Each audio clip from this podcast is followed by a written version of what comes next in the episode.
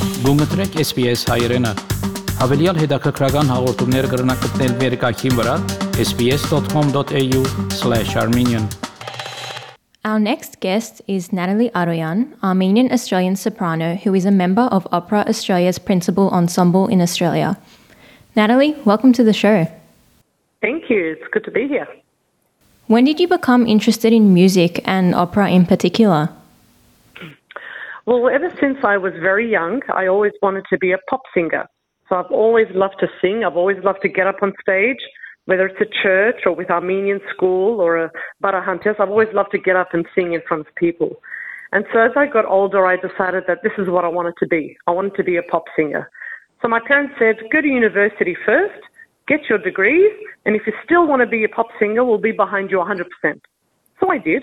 I went to uni and I did a business degree and an IT degree. And then I said, I still want to be a pop singer. And at that time, a very famous Armenian mezzo soprano came from overseas and she was giving a concert. And my parents said, come along, come along to this event. You know, it's an Armenian event. Come support and have a listen. And I, and I wasn't that keen in opera at that time, but I went anyway. And as soon as this woman, her name was Lilian Ofjan, as soon as she opened her mouth and this sound came out of her body without a microphone, I thought, wow, she has to teach me how to do that and I'll be the best pop singer ever. Still wanted to be a pop singer at this point. And so we went and we went and spoke with her, we sat with her, and I sang her some gospel songs from church. And she stopped me and she said, You're not meant to be a pop singer. You were born to be an opera singer. And I thought, What? You know, I'd never thought of that in my life. And then uh, I worked with her for a week, and that's all it took for me to fall in love. And here I am today. She's still my voice teacher, and now I get to travel around the world and enjoy opera on all the stages that I visited. And what's your role at Opera Australia and when did you join the company? So I'm a freelance artist with Opera Australia at the moment, one of the principal artists there. And I joined the company roughly eight years ago. And uh, I was started as a young artist with the company, and then I was I became a principal with the company.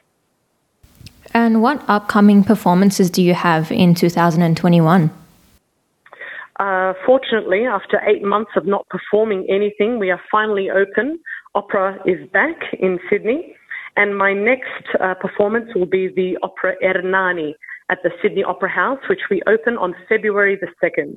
There are six shows in February, and I cannot wait to do every single one of them. And what kind of roles are you playing in those performances? So I play the lead soprano role. I'm the lead soprano, and I have another three men around me in the major roles. And it's basically a love quadrangle, not even a triangle, it's a love quadrangle. And it's set in medieval times with the grandiose sets and the costumes and the masks and head headdresses and all things like that. So it's very, very grand and as operas can get.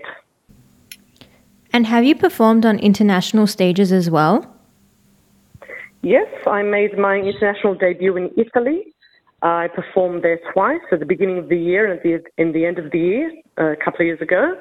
And uh, that was in Bari and then Busseto in Italy.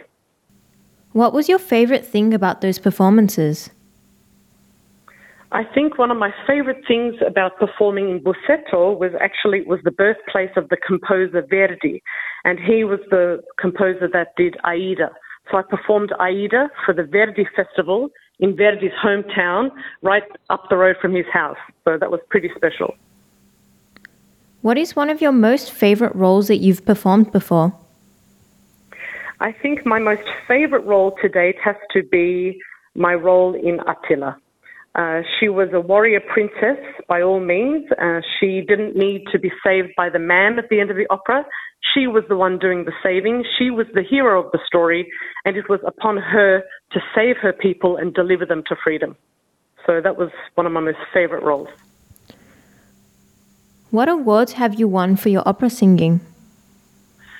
Um, I've won a few uh, competitions here in Australia, which has been very, very beneficial to my career and to my my education. And uh, I've won a lot from the Opera Foundation of Australia and the Australian Singing Competition. I've won from the Italian Opera Foundation. All scholarships, all dedicated to my overseas travel and my overseas study. So I was able to study in New York for a couple of years because of these competitions and in Italy for a year. And so I was able to have that education overseas for three years and then come back. And that's when I joined the company in Australia.